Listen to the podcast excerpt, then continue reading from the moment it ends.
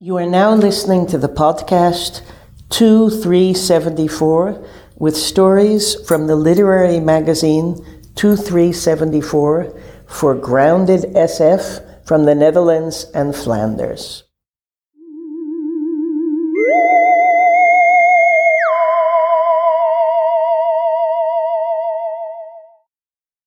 Vengeance is not a sin, a story by Joost van de Kastelen.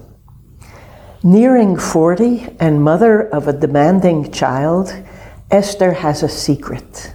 When she is confronted with male aggression, a supernatural power takes over her body. She finds some release in hiring herself out to other women as a goddess of vengeance, provided she could get a babysitter, that is. An hour that's how long she has before the babysitter expects her back. Just enough time for some chaos and violence, Esther thinks. It's going to be tight anyway, because it's more than one man this time. For a split second, she considers postponing, only that would mean she'd gotten a babysitter for nothing again. Three weeks ago, she had to call off a job at the last minute. The teenager she'd hired was already standing on her doorstep. So she'd been forced to go watch some corny movie in a packed movie theater. The woman sitting in front of her kept getting her phone out every two minutes, like she was communicating the plot to a friend, message by message. So when Esther got home, not only were her ears ringing from the film's bombastic explosions, but her eyes were smarting from the repeated flashes caused by this highly inefficient form of piracy. Esther does not go home because a promise is a promise and the fee's been paid. Valuable minutes are lost in finding a place to park, not helped by the fact that the car in front is also trying to find that one elusive spot. Now she hears honking behind her and sees a driver mouthing an angry tirade in her rearview mirror.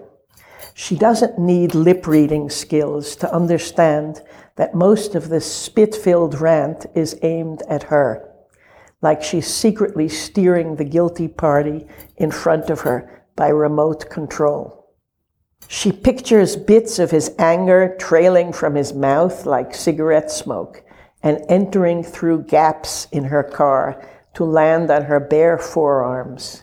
It makes her skin crawl, but more is required to get her into the right mood. The car in front gives up and parks in front of a gateway, following the time hallowed rule stating that thou hast the God given right to park illegally after you've gone around three times. After starting on her fifth round, Esther finally gets lucky when someone drives off just in front of her, more honking behind her while she parks. Normally, it would make her slow down even more, but now the deadline forces her to hurry and give in to the other's impatience. She puts all the papers in her handbag and opens the glove compartment. A back seat strewn with toys and a few comics with chocolate thumb marks can't be guaranteed to keep you safe from burglars in this neighborhood. Her immaculate station wagon might as well be parked under a huge arrow with the message, Hey, try this one. Esther gets out, pulls her cap down as low as possible, and checks the address on the piece of paper again. She uses a fingernail to scratch off the dried blood. The last number seems closest to a six. The lack of legibility also has something to do with the way the young man was trembling while he wrote down the details. And his misplaced loyalty to his friends is the main reason she has so little time left for the final phase of this evening. Out of the group of students she was after, he was the only one still living at home. As a woman nearing 40, Esther didn't think it was a good idea to ring the doorbell and ask his mother if she could go to his room. So the only option was to wait a whole hour before the man finally left his parental home and got on his bike. She cut him off on a deserted country road. Fortunately, their confrontation escalated quickly. No better excuse for an altercation than road rage, and she managed to overpower him easily. Only on the verge of passing out did he give in, scrawling down the details she was after. There's no doubt about the name of the street, and she's finally deciphered the number at 146. But it seems the people living around here don't go in for house numbers, like they took a joint decision to pester the mail carrier and keep him from delivering all those certified letters and notices to pay. The only house that offers any kind of clue is numbered 102. So she has no choice but to just start counting. She ends up at a small row house. A sticker above the doorbell features the Virgin Mary holding a pint and the words, No God besides this one. Enough for Esther to conclude she's got the right place. She rams her shoulder against the door, which creaks but doesn't budge. A stab of pain shoots through her body. Nobody on the street stops her or says anything when she takes a short run up and rams the door again. This time it gives way and swings open. The sound resonates throughout the house like a sharp rap on a drum. Instantly, a small wire guy emerges from the bathroom at the end of the narrow hallway. Wearing nothing but boxer shorts and holding a pair of jeans, his body is covered with so many moles it looks like a witch stood over his crib when he was a baby and sneezed black snot all over him. Is this number 146? Esther asks to make sure. By way of an answer, the half naked man charges at her, swinging the jeans like a limp club. The belt hits Esther right in the face, flinging her back against the wall. A second swipe in the same place tears open her cheek and she screams. The man starts back and seems to hesitate a second, like it's all a terrible misunderstanding instead of a deliberate break in. But the screaming doesn't signal impending defeat. It's a battle cry accompanying Esther's transformation. His aggression feeds her strength, which he experiences when her fist slams into his side so hard it breaks his ribs and takes his breath away. No time to recover as the second blow finds his stomach.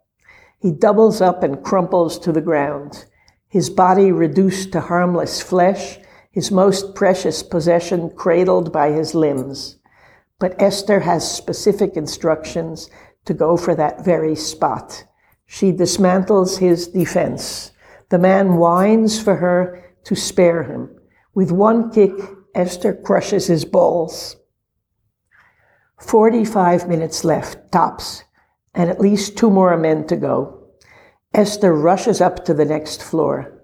Apart from the sobbing of the man downstairs, the house is silent, but all the doors on the second floor remain closed.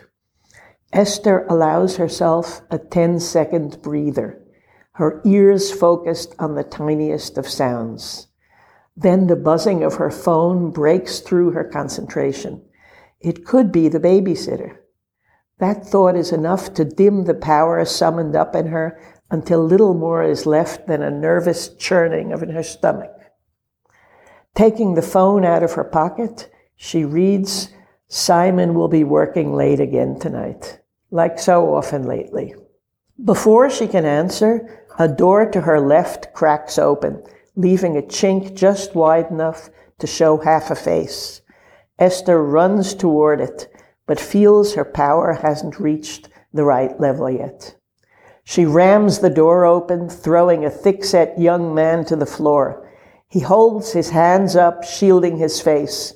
His fear weakens her and her power fades. She must try and make him angry so her own rage can blossom again into the special force that takes over her body. She taps her foot against the palms of his hand, hoping for a physical response. But all this produces is apologies. Sorry, I'm really sorry. I'll never do it again, the man sobs. No, don't say sorry. You need to call me something nasty. Whore, or dirty bitch, or slut, or be creative. I don't care. Just choose something. You know this kind of language better than I do.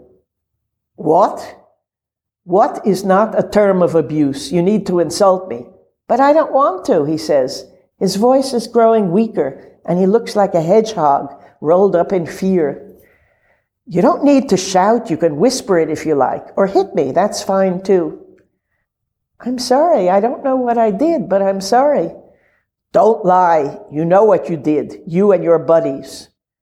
No, really, I don't know anything. I'm innocent. Don't get shifty on me. It's very unattractive. Just come out and admit it. You raped a woman. It wasn't a rape, I swear. It was, she was drunk, we were drunk, things just got out of hand. She wanted it. She was, she's lying. I'm not like that. Like what? What aren't you like? It was her own fault. Is it also her fault that you filmed everything and are now trying to blackmail her? Fucking idiots. Or is that a lie too? Esther shouts. No, that wasn't me. I mean, I joined in, but the blackmail thing wasn't my idea. I was against it. Whose idea was it? Mine, you dirty bitch, says a voice behind her. Before Esther can turn around, the third man hits her on the back of the head. The pain jolts through her body, reigniting the power inside her.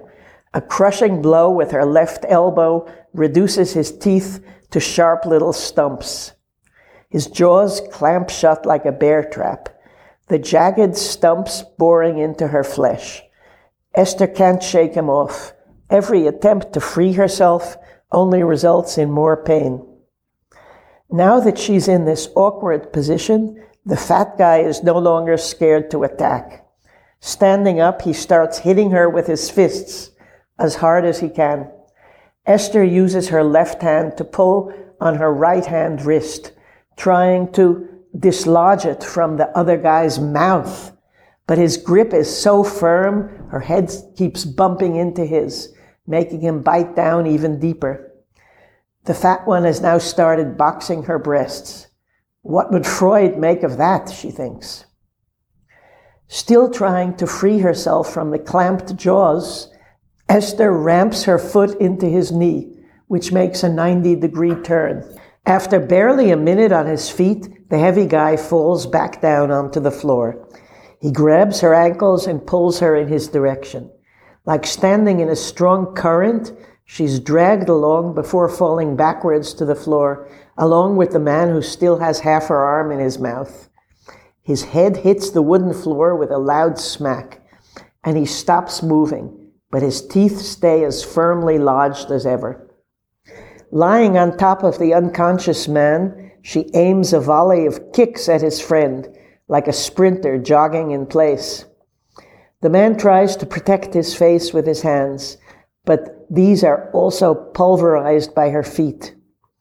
Like an insect startled by the light, he crawls away into a corner. Now Esther's fingers are finally able to find a way in between her elbow and the clenched jaw of the man on the floor. She tears open the corners of his mouth, further than is necessary to free herself. There's no reaction, so no point in questioning him any further. Standing up, she notices her power is dwindling again. The aggression in the room has disappeared. The man sobbing in the corner is the only one left. With her very last reserves of strength, Esther picks him up and throws him down next to his pal. Where's the video? On his phone. The man points to the door across the hallway. Call him. I want to hear it ring. For an instant, it looks like he's going to protest. But when Esther clenches her fist, he grabs his phone out of his pocket and dials a number. The breathy sound of a hip hop tune comes from the other room. Thank you. That wasn't so hard, was it? Esther says, and walks in the direction of the sound. She finds the phone under a pile of unwashed clothes and puts it in her pocket. And now for the most important question, so think carefully. Because if you give me the wrong answer, I will come back and things will get even worse. Understood? The young man nods. Very good. Did you make any copies of the video? The man shakes his head. Sure? Another shake. What do you mean, no? Are you sure? You're not sure? No, I meant I'm sure we didn't make a copy, he says. He's panting with fear. Esther checks the time on her phone. She's cutting it fine, but she can't leave yet. She squats down next to the man and stares at his swollen face. Trembling, he avoids her gaze. Still, she waits for him to speak. I'm sorry, I'm not like that. Not anymore. Esther's face is blank. Don't you believe me? She sighs. It's better to clean your wounds first before putting ice on them. Otherwise, they'll get infected. But here's what we're going to do first. You're going to call the police. You're going to tell them your name, your address, and what you did. The victim will be going to the police tomorrow to report you with screenshots as evidence, enough to get you prosecuted. But first, she wanted to know for sure that you would pay. As for what happened here, tell them what you like. You can even tell the truth. No one will believe you anyway. So I'd stick to a break in. I won't leave until you finish your call. Then and only then will I believe you. Maybe. Nodding furiously at her, the man dials the number immediately. Usually, Esther waits for the sounds of sirens before she leaves, but not this time. Leaving the three men behind in handcuffs, she sprints back to her car, rubbing the blood off her cheeks as she goes. The GPS tells her the drive home will take at least 20 minutes. In 20 minutes, the babysitter's dad will be standing on her doorstep.